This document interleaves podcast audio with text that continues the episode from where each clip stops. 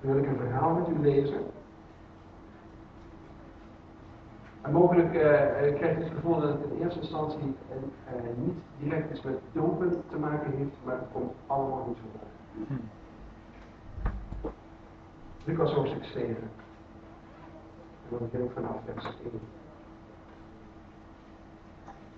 Deze keer kunnen we dat niet meer de boeren. Het is altijd goed dat je je eigen Bijbel meeneemt. Dus wat onderstreept.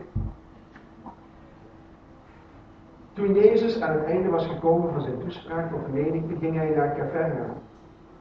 Een centurio die daar woonde had een slaaf die ernstig ziek was en op sterven lag. Centurio was erg op deze slaaf gesteld. Toen hij over Jezus hoorde, zonden enkele Joodse leiders naar hem toe om hem te vragen bij hem te komen en zijn slaaf van de dood te hebben. Toen ze bij Jezus waren gekomen, drongen ze er bij hem op aan om mee te gaan. Ze zeiden, de man die u dit verzoekt verdient het dat u, deze gunst, dat u hem deze gunst bewijst. Want hij is ons volk goedgezind en heeft voor ons de synagoge laten bouwen. Jezus ging samen met hem op weg. Hij was al niet ver meer van het huis verwijderd toen de centurio enkele vrienden naar hem stuurde met de mededeling, Heer, spaar u de moeite, want ik ben het niet waard dat u onder mijn dak wordt. Daarom ook acht ik mijzelf niet waardig om naar u toe te gaan. Maar u hoeft maar te spreken en mijn knecht zal genezen. Ook ik ben iemand die onder andermans gezag staat en zelf weer soldaten onder zich heeft. En als ik tegen een soldaat zeg, ga, dan gaat hij. En tegen een andere kom, dan komt hij. En als ik tegen mijn slaaf zeg, doe dit, dan doet hij het. Toen Jezus dit hoorde, verbaasde hij zich over hem en keerde zich om naar de menigte die hem volgde. En zei, ik zeg u, zelfs in Israël heb ik nog nooit zo'n groot geloof gevonden.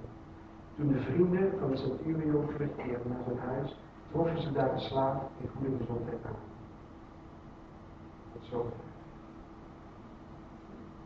Mocht je al een tijd in de kerk komen, dan is dit een verhaal dat je vast al een keer gehoord hebt. En het is een verhaal over een legeraanvoerder die een knecht heeft. En deze knecht is ziek geworden. En Jezus wordt erbij geroepen zodat deze knecht zou kunnen genezen. Dat Jezus een wonder zou kunnen doen. En ik heb de preek van vandaag heb ik genoemd Nieuwe Mensen Leven. En dat heb ik gedaan omdat ehm, de stap die een dopeling maakt, betekent dat je afscheid neemt van het oude leven en dat je een nieuw leven tegemoet gaat. Dat je als het ware het oude achter je laat, omdat je een nieuw leven met Jezus kan beginnen. En als je in je christen zijn of in jouw wandel um, terugdenkt aan jouw eigen doodmoment, dan weet je dat dat voor jouzelf een heel bewust moment was. Je wist dat je iets ging achterlaten, maar je wist eigenlijk nog niet wat er komen zou. Je wist eigenlijk nog niet wat er allemaal plaats zou vinden of wat het allemaal in zou houden. Soms zeiden mensen wel eens tegen me, als ze jaren christen waren, kon ik me nog maar eens opnieuw laten dopen, want nu begrijp ik allemaal niet wat het inhoudt. Misschien wel herkenbaar. En toch is het zo dat geloof de enige voorwaarde is om je te laten dopen. Geloof in Jezus Christus, dat Hij voor jouw zonde aan het kruis is gegaan. En dat je weet dat Hij de prijs betaald heeft, is voldoende om onder water in het, in het, onder water te gaan. Om dat oude leven achter je te laten. Maar wij hebben natuurlijk als mensen een vinklijst totdat we heilig genoeg zijn of dat we volwaardig genoeg zijn om dat doopwater te gaan. En het kenmerk in dit verhaal is geloof. Het gaat hier om iemand die geloof heeft en daarmee de daad bij het woord voegt. Ik heb de tekst van vandaag, of het thema van vandaag, nieuwe mensen leven, gekozen vanwege eh, de tekst die met dopen te maken heeft. Dat staat namelijk in, in Romeinen 6, vers 3 tot 4. Daar staat het volgende. Jullie weten wat de doop betekent. De doop laat zien dat we bij Jezus Christus horen. Door onze doop zijn we eigenlijk samen met hem gestorven en begraven. Er zitten een paar hele belangrijke stappen in. Je staat namelijk, jullie weten wat de doop betekent. Op het moment dat je je laat dopen, dan hoor je bij Jezus Christus. Je mag ook nog wel bij je man horen, je mag ook nog wel bij je vrouw horen, maar je hoort nu bij Jezus Christus. Je bent samen met hem gestorven en ook weer samen met hem opgestaan. En door onze dood leven wij nu als nieuwe mensen. Dat is mooi, hè? Je leeft meer als een oud mens. Dus ben je wat ouder. En je leeft als een nieuw mens. Want Christus leeft. Onze machtige vader heeft hem, heeft hem laten opstaan uit de dood.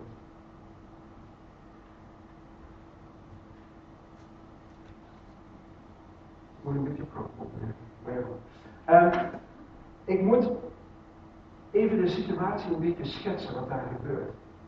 Capernaum, Capernaum was de stad eigenlijk wat, wat de thuisbasis voor Jezus was. Hij was bekend in deze stad, hij vond deze stad. En hij had gesproken en op dat moment kwamen er Joodse leiders naar hem toe en die vroegen aan hem, kunt u alsjeblieft naar die knecht komen?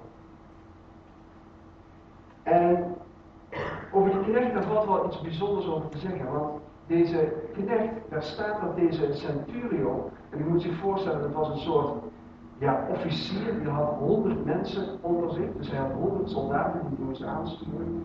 Had een belangrijke verantwoordelijkheid. Cavernum was een belangrijke stad. En hij had de taak om als Romein toe te zien op het wel en wee in die stad. En u moet zich voorstellen dat, dat het gezag als het ware gedelegeerd was op de Joodse leiders. Er was een soort van autonomie ook voor Joden. Ze konden min of meer hun eigen feesten, hun rituelen konden ze, ze mochten hun eigen rechtspraak opvoeren. Maar als het echt misging, en je ziet dat ook bij de kruising van Jezus, dan moest een Romein daar een oordeel over geven. En ook deze man had veel invloed in zijn omgeving. En het mooie is dat deze Joodse leiders zeggen, hij heeft ontzettend veel goeds gedaan voor ons. Wat heeft hij namelijk gedaan? Hij heeft een synagoge laten bouwen en hij is goed voor ons. Hij behandelt ons goed. En ik kan me voorstellen dat het in die tijd iets heel bijzonders was dat deze man dat voor hem deed. De synagoge was een, een leerhuis, een gebedshuis, waar dat de Joden konden samenkomen. En dan konden ze de schrift leren. En de Romeinen geloofden natuurlijk niet in uh, in die boekrollen. Dus het was speciaal dat deze Romeinse hoofdman dat had gedaan. Maar ik was getriggerd door wat er in vers 4 staat. In vers 4, daar staat namelijk dat de Joodse leiders tegen Jezus zeiden: U moet naar deze man toe komen. Waarom? Omdat hij het verdient.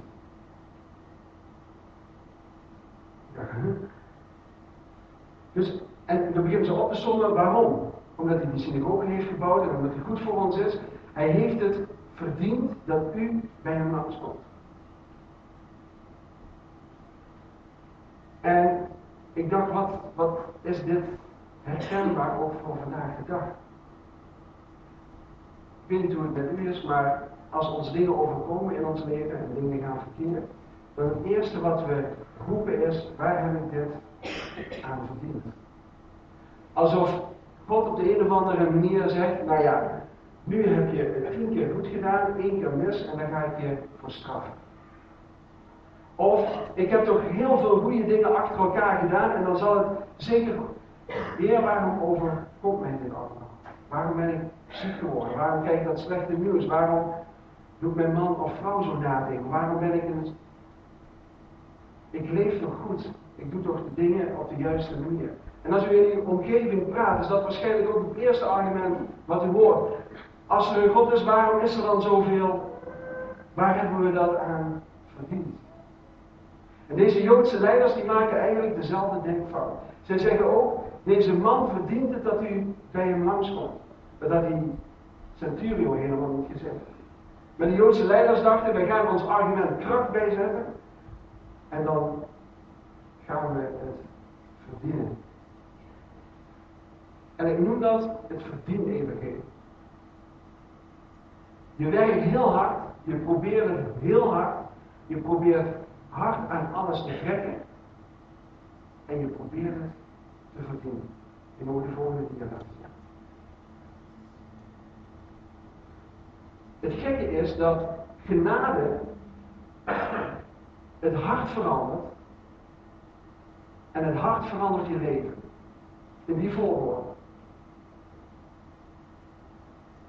Jezus was voor deze Joodse leiders niet meer dan een instrument geworden om het probleem op te lossen wat er lag. Deze man verdient het, dus u moet het volgende doen.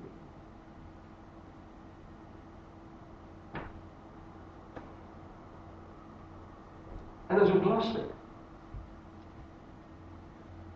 Aan de andere kant kun je ook zeggen dat er mensen zijn die hebben, die geloven meer in een soort goedkoop. We moeten het zomaar krijgen en ontvangen. Ik zal het proberen met je toe te leggen. Tertullianus, dat was een soort uh, vroege uh, kerkvader, die zei het als volgt. Zoals Jezus werd gekruisigd tussen twee dieven, zo wordt het evangelie vaak gekruisigd tussen twee misvattingen. Aan de ene kant het verdien evangelie, en aan de andere kant het goedkope evangelie. Het ene evangelie zegt, we moeten heilig en oprecht leven. We moeten veel daden doen, want daarmee verwerven we goedheid en komen we op een, ik zal maar zeggen, een goed blaadje bij de Vader. Het andere evangelie zegt als volgt. We hebben eigenlijk niet nodig om een heilig en goed leven te leven, want we zijn al gered.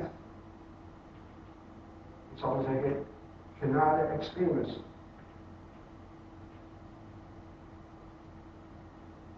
En waarschijnlijk is het voor uzelf, ik herken het bij mezelf, je neigt altijd naar een van deze twee uitersten van het evangelie.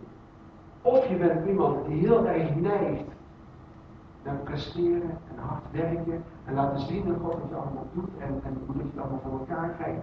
En je probeert precies volgens de normen en regels van God te leven. En in zichzelf is daar een beetje best Of je bent van de andere kant. Ja, ik, ja, ik heb, ik het vingerfout gedaan. Ja, gelukkig is een genade en, en ja, het, het komt allemaal goed en ik leef in de genade en ben altijd vrij en altijd En ik weet niet of je het herkent, maar we leven als het ware een beetje tussen die twee uitersten. Het gekke is alleen dat het evangelie heel anders bedoeld is.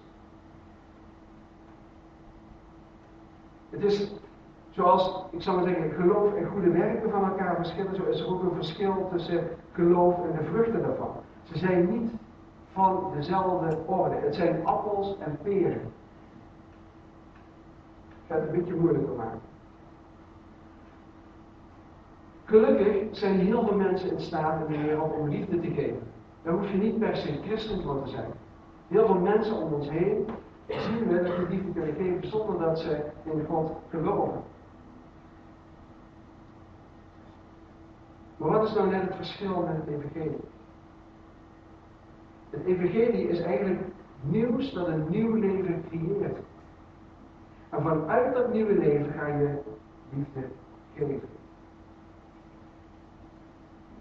Een leven van liefde is namelijk niet hetzelfde als het evangelie. Het begint bij het evangelie en vanuit daar ga je liefde geven.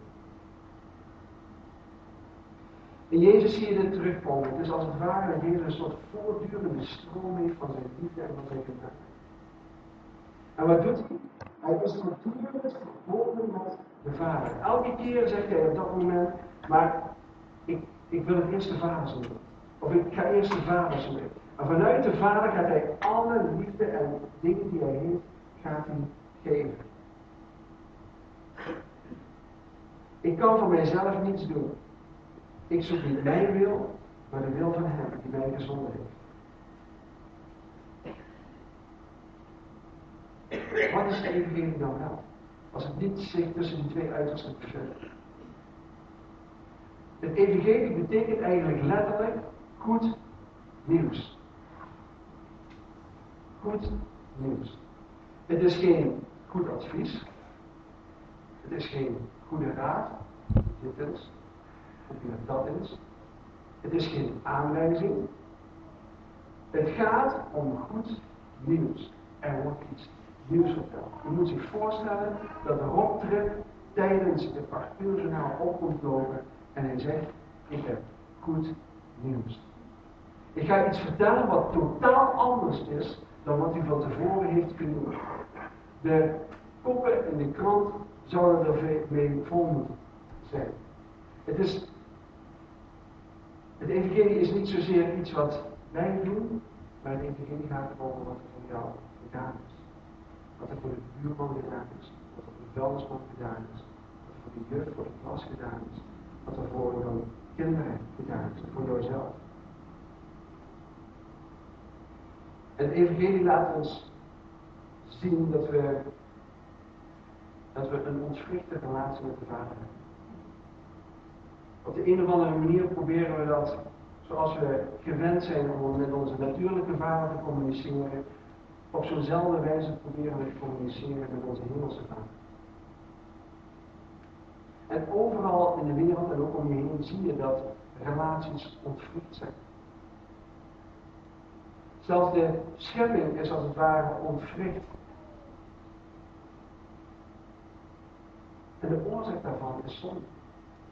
De oorzaak daarvan is dat er tussen ons iets en tussen de Vader iets is gekomen wat het niet mogelijk maakt om op een natuur, op een goede manier, zoals het bedoeld is, met elkaar om te gaan.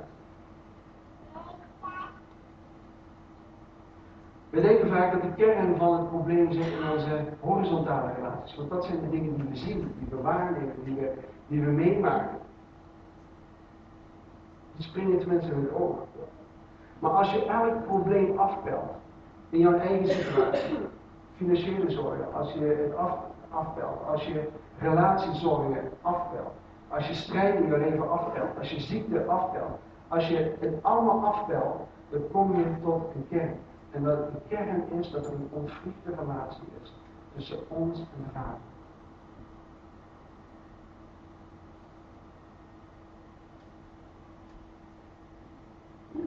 Het is niet bepaald de goed nieuws show.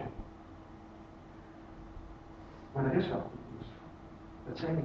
Het evangelie betekent goed nieuws. Want op elk gebied waar dat je het gevoel hebt dat het misgaat en het dreigt steeds meer mis te gaan, ik stel me dat altijd voor dat, je kent het begrip wel vanuit de natuurkunde, de middelpuntsvliegende kracht. Ken je dat? Uh, dat als iets draait en hoe dichter dat je bij dat centrum bent, hoe meer dat je daaraan vasthoudt, des te minder die kracht is. En hoe meer dat je naar buiten gaat, hoe groter dat die kracht wordt en je sneller naar buiten geduwd wordt. Ik denk dat dat maar prima kan berekenen. Maar het gaat er even om de setting hoe dichter dat je je om Jezus heen bent, des te minder strijd en moeite dat je daarin zult ervaren. En ik weet niet hoe dat jouw situatie er op dit moment uitziet, maar mijn boodschap voor vandaag is: hou je alsjeblieft vast aan Jezus. Hij is het centrum van jouw leven. Hoe verder dat je naar buiten raakt, des te zwaarder dat het wordt om naar binnen. En ik weet dat je intenties zuiver zijn en dat ze oprecht zijn. Maar soms doe je ook dingen in je leven waardoor je steeds iets verder van God afgaat. Je steeds iets verder van Jezus afgaat. En het begint heel klein, het begint heel onschuldig. Het heeft met keuzes in jouw leven te maken. En voortdurend als je die keuze maakt, zul je steeds iets verder naar de buitenkant verschuiven. Daar ben ik zo blij dat Jezus de van leven is. Hij geeft nieuw leven aan jou. Hij geeft een nieuw begin aan jou, zoals het thema is van het jaar.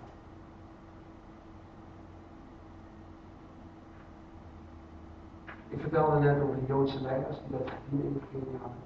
Maar ik moest ook over die slaaf nadenken. Die slaaf die was ziek.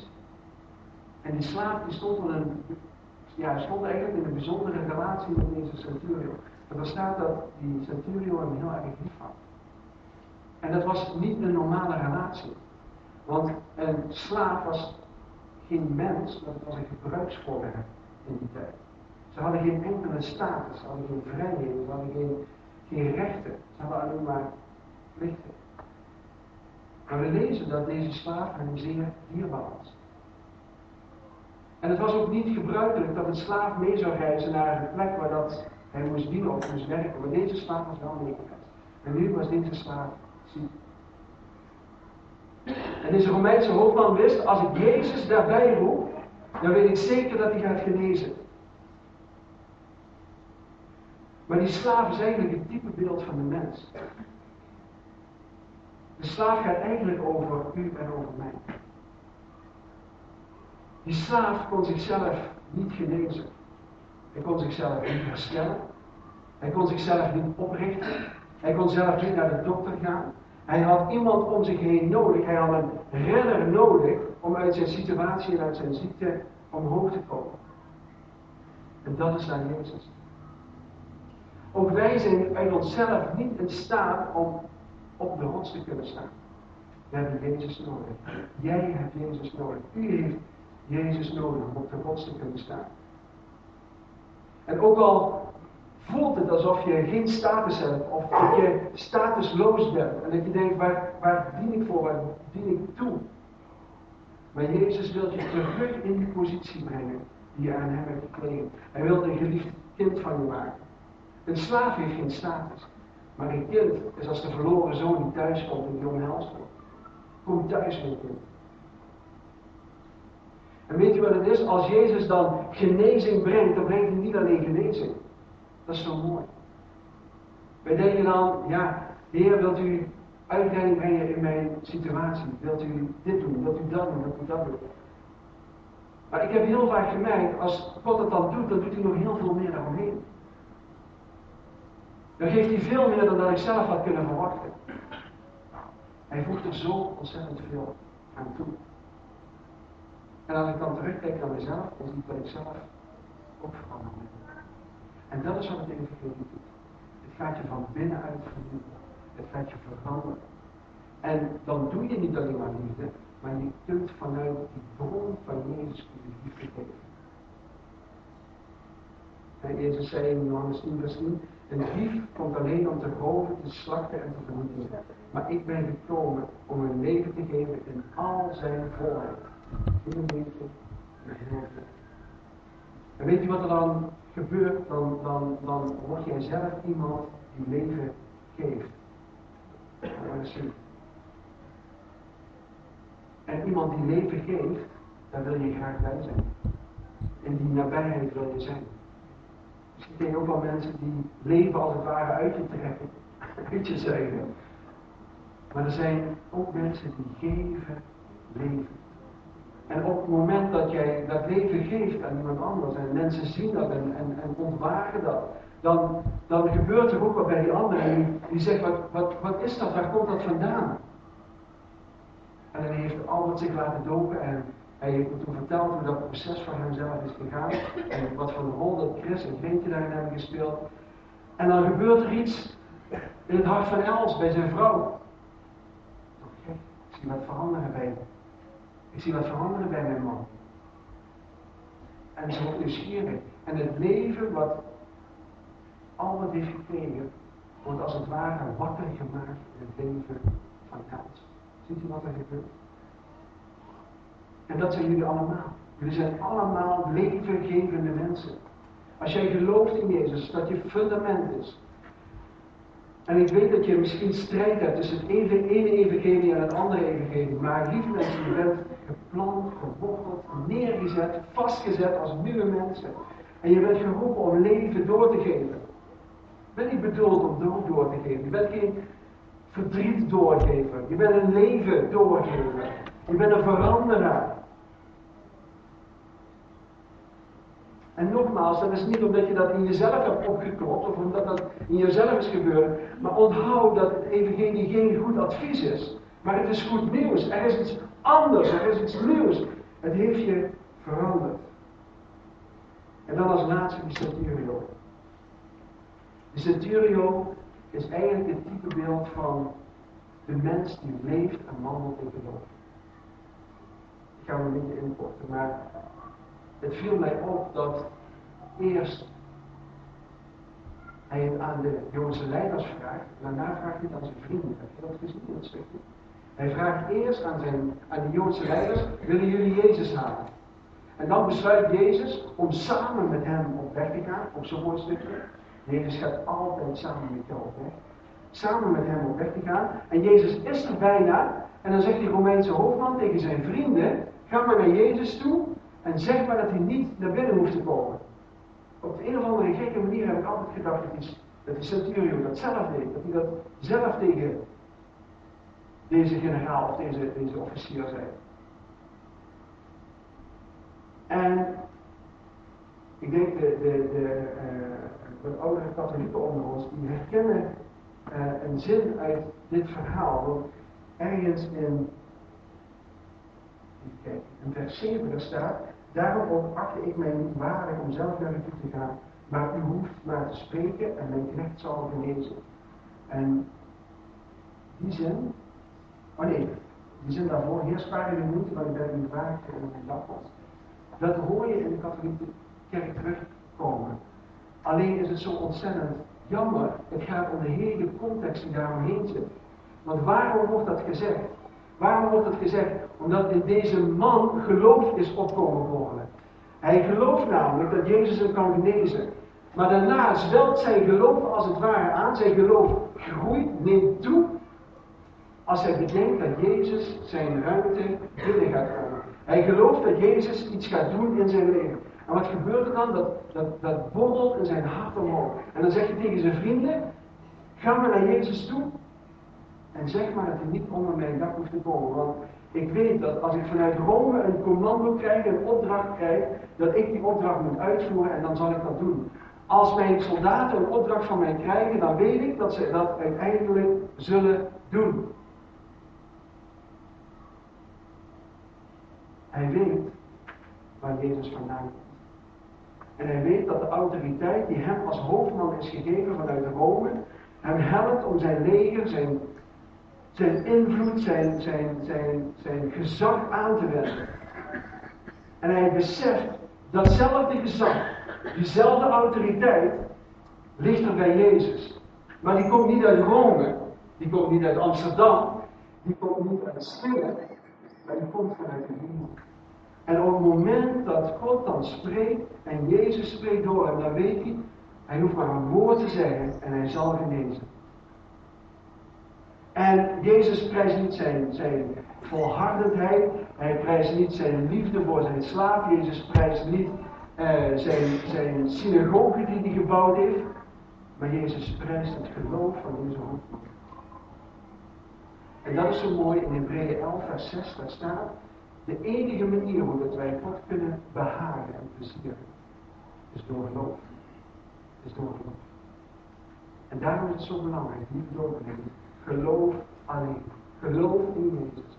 Hij zal jou helpen, Hij zal jou verlossen. Amen. Amen. Amen. Nou.